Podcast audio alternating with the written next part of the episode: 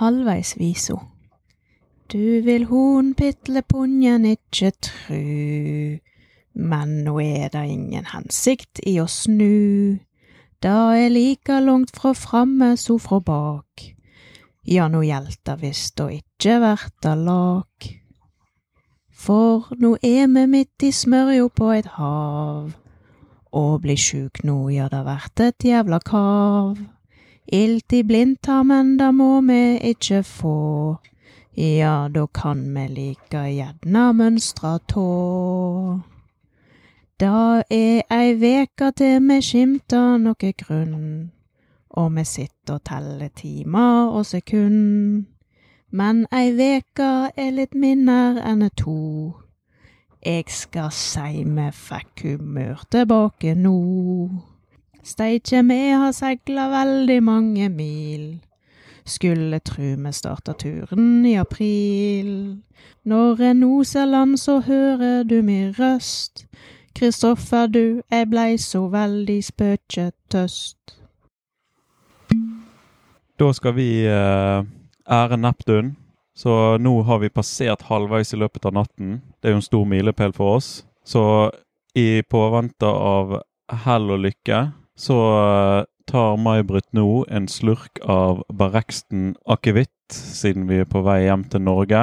Og den skal vi da dele sammen med Neptun, med et ønske om god vind, fine sjøforhold og godt fiske når vi har spist opp yellowfin-tunaen. Og så å komme oss trygt i havn. Så eh, har du noen ord du vil si til Neptun når du tar en liten sup? Du som er kaptein. Fra én sjef til en annen. Neptun, jeg håper vi kan respektere hverandre nok til å ikke kaste boss i havet, og du gir oss god vind og bølge til Azorene. Skål. Skål, Neptun. Og så heller vi en symbolsk shot ut i havet til Neptun. Vi har jo hatt en mistanke om at enten han eller noe annet har eh, lagt og vaket under båten i natt. fordi at når jeg eh, kom på vakt i morges, så eh, jeg har aldri opplevd at dybdemåleren viser feil, annet enn at han av og til har liksom poppet inn sånn 73 meter, og så er det vekk igjen. Men i dag så har jeg hatt stabilt måling mellom 31 til 49 meters dybde over to timer. Noe har svømt under båten vår og holdt følge med oss. Den kom ikke lenge etter jeg startet generatoren, og da blir det litt lyd i sjøen. Så jeg, jeg tror vi har hatt et uh, dyr som har fulgt oss under. Det kanskje skjedde når vi kryssa halvveien, da, at han uh, Neptun ville ha en klunk med akevitt. Ja, jeg håper nesten det. Nå har han fått en. Dette var jo litt gøy, og den akevitten var faktisk ganske god, selv om det er frokost. Det som er fint nå, er at uh, vi har jo nesten slutta å sjekke vind. For vi trenger det ikke. Det er ikke interessant. Det er faktisk ikke interessant for oss lenger, for det, det, er litt interessant. Men det som er mest interessant, er å holde seg inne på Golfstrømmen. fordi at hvis vinden dør, gir ikke noe. Du har jo laget en, en ganske detaljert liste på hvor vi skal svinge her og der for å liksom treffe de rette strømmene. For, for vi må faktisk kjøre slalåm mellom det å være i medstrøm og motstrøm. Så du har jo lagd en, en veldig fin rute som vi nå skal følge for å komme oss liksom ut. Nå har vi en exit-strategi fra Golfstrømmen. Det som er viktigst, det er faktisk ikke vinden på det tidspunktet nå. Det er faktisk strømmen. Fordi at det, eh, hvis, hvis det hadde begynt å liksom være slak motvind nå, så måtte vi fremdeles ha holdt oss til den planen. Eller så kan du risikere å liksom gå i sirkler her. Mm. Fordi at det er så sterke krefter som dytter oss rundt med denne Golfstrømmen, selv om vi er helt her ute. Ja, for når vi har erfart hvor kraftig medstrøm vi har, så frykter vi å komme inn i motstrøm. Ja, så det kan vi ikke. Så her gjelder det å bare følge godt med. Har, vi har jo, for, utenom den skålen i dag, det har jo skjedd litt i dag, da, i motsetning til i går. Vi har uh, fyrt opp igjen generatoren som vi hadde gående på slutten av dagen i går. Den har stått og gått i noen timer for å lade batterien i dag. Vi har hatt ostesmørbrød. Cola og gin til frokost. Ja, så en ekte sjømannsliv her ute, altså. Men uh, du hadde jo noe du ville fortelle i løpet av natten. Hva var det? Hvor fort vi har gått. Ja, jeg hadde noe jeg ville fortelle i løpet av natta. Og det er at i, på mitt skift i alle fall, så har vi holdt et, en gjennomsnittsfart på ni knop. Og det har vi hatt i en fem-seks timer. jeg syns det var så kjekt at jeg faktisk satt én time ekstra.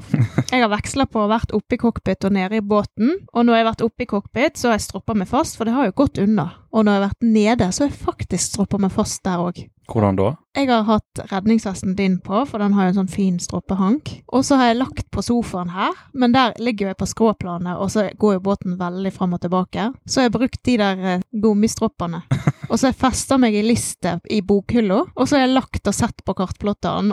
Og så hver gang det har kommet en sånn greie, så har faktisk redningsvesten holdt meg eh, på benken. Nei, så det har vært egentlig en ganske kjekk nattevakt. Og det har vært gøy å sitte og følge med på hvor fort det går, og eh, jeg har ikke vært trøtt heller, for vi har jo sovet så godt de forrige nettene. Og vi spiste jo før ditt skift begynte, så spiste jo vi et episk godt måltid. Det er faktisk noe av det bedre jeg har smakt. Ja, for vi, vi har jo fått en yellowfin tuna som vi sikkert har sagt en eller 15 ganger for mye nå. Men for oss er det veldig stort. Og vi har regnet ut vi har, Jeg har tatt utgangspunkt i den høyeste kiloprisen. For du kan jo ikke få noe mer luksuriøst enn en yellowfin tuna på midten av Atlanterhavsryggen. Så den fisken vi har, hvis vi anslår at den veide ca. 10 kilo, så er det drøye 6500 med dagens eh, Eller med en dollarkurs på 10, da. Så vi spiste sushi først, for da var jo han Kall det rykende fersk eller uh, sprellende fersk. Når jeg skjærte ut den ene ryggbiffen, så fungerte muskelfibrene mens jeg hadde kun biffen i hånden.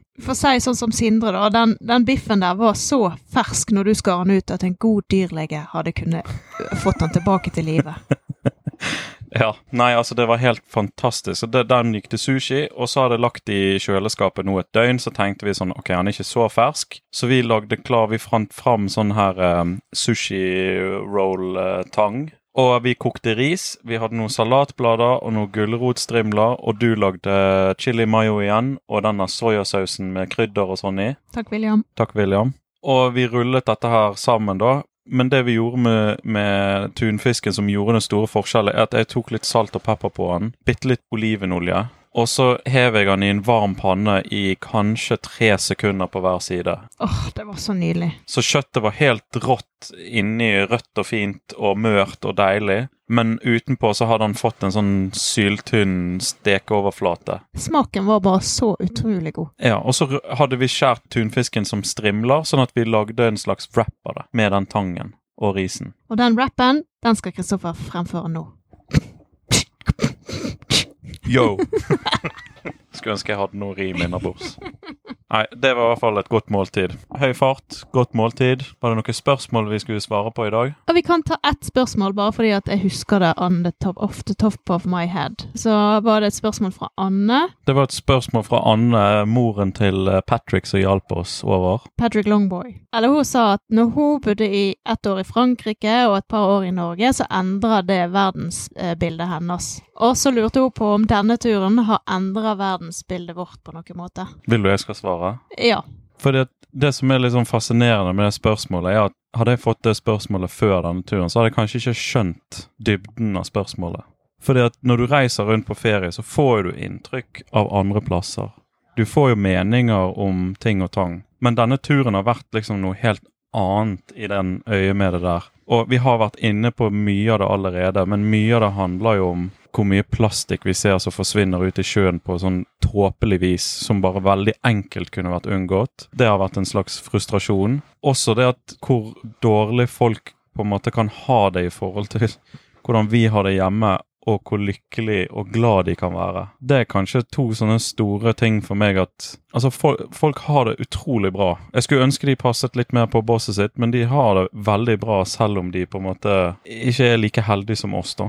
Men sånn som når vi har vært på disse plassene, så er det òg utrolig hva vi på en måte klarer oss med, og hvor glad vi òg er. Altså, jeg har, ikke, jeg har, ikke, vært på shopping på et år. Ikke at det er liksom oppskriften på lykke, men det er jo veldig ofte sånn man tenker hjemme skal ha noe nytt. Nye klær, rene klær, møbler. Mens her har jeg vært Jeg vil ikke ha noe sånne ting. Jeg vil bare ha litt mat, og så vil jeg ha noe, en fin strand å bade på. Der har jo min familie begynt å bli ganske flink, syns jeg. For det er sikkert litt i Ikke bare positivt, men det, vi har jo fått et problem med å kjøpe ting til hverandre til jul og bursdag og sånn. For at alle har alt de trenger. Men det har jo resultert i at når vi gir gaver til hverandre i vår familie, så er det veldig ofte en opplevelse. Og det er jo mye bedre. Uansett om det er en lokal opplevelse, eller om det er en konsert en plass, eller om det er en matopplevelse, eller alt mulig. Og, det, og da gjør man det sammen. Ja, jeg syns det er mye bedre. Men jeg tror òg vi, kommer til å vi kommer til å bli bedre på det når vi kommer hjem. I hvert fall jeg trenger ikke så mange ting for å ha det fint.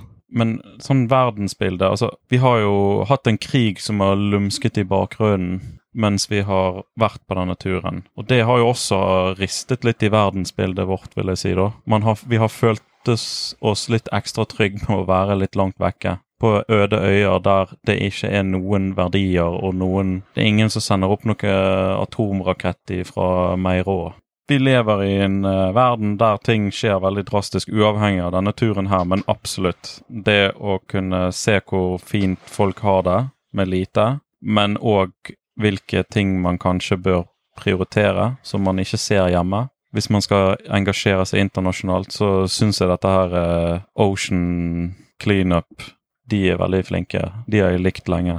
Eh, de, øyene vi har vært her nede, så syns jeg faktisk at det har vært utrolig lite rasisme. Alle har vært så hyggelige og snille med hverandre uansett hva slags folk det er. Uansett om det er turister eller lokale eller ja. Jeg syns faktisk det har vært uh, utrolig hyggelig så å si på hver øy vi har kommet. Så har folk bare vært veldig, veldig snille, og du føler deg ikke som en turist heller, egentlig. For jeg kan ikke trekke fram noe negativt utenom kanskje akkurat der vi kom i land i Roadtown i, på BVI. Innsjekken på Roadtown når vi skulle hente Emilio. Det. Ja, altså innsjekken er jo noe for seg De er jo noen rare dyr. Jeg har jo hatt mange episoder på innsjekk, da, men der tror jeg de er bare så lei av uvitende turister, for der, der samles vi. Men ellers så syns jeg det har vært utrolig fint, og folk har på en måte vært veldig imøtekommende og snille, og ja, det har ikke vært noe problem. Og I begynnelsen så var jo vi litt sånn Vi har jo sjekket veldig mye sånn hva er kri kriminalitetsnivået, og vi var jo veldig spente på St. Lucia blant annet. Det sto utrolig mye negativt om St. Lucia. Og St. Lucia er jo en, en litt større øy enn mange av de andre øyene, så sånn blir jo det ofte det samme med St. Vincent. Når det er mange personer der, så blir det gjerne hyppigere større sannsynlighet for et eh, ran eller for å bli utsatt for noe litt rart. Hvis man er litt forsiktig og ikke går alene i en mørk gate eller på en strand eller ikke utsetter seg for det og er litt sånn smart i hvor man beveger seg, så vi har jo ikke følt oss utsatt en eneste gang.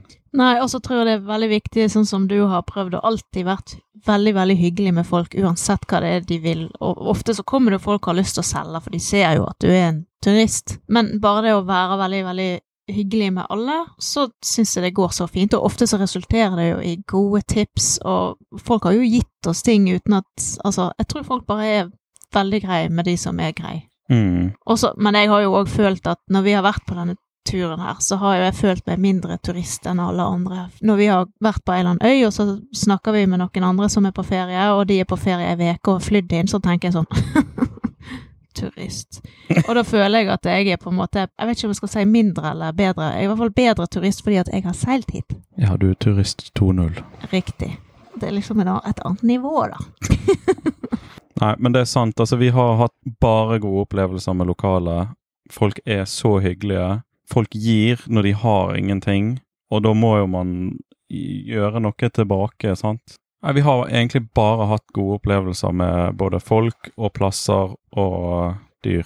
Så nå kan vi angre på den rabiesvaksinen sin til 7000 kroner. Sitter du og angrer på Det er ikke for seint. Nei, bare tuller. Verdensbildet har endret seg til både det positive og negative.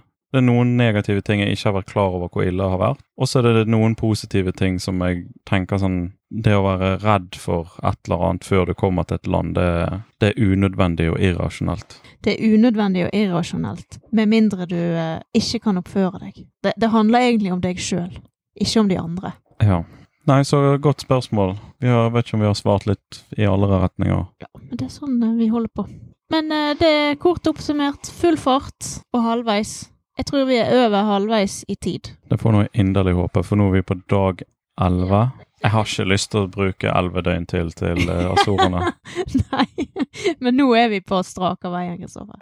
Da må vi få ut dette her før klokka er åtte. Nei, før klokka er seks, for da skal hun Ane på Bybanen og må ha noe å høre på. God tur, Ane. God God tur, da, Ane, ja. lykke til. Jeg er Ha det. Uh, Hei ohoi!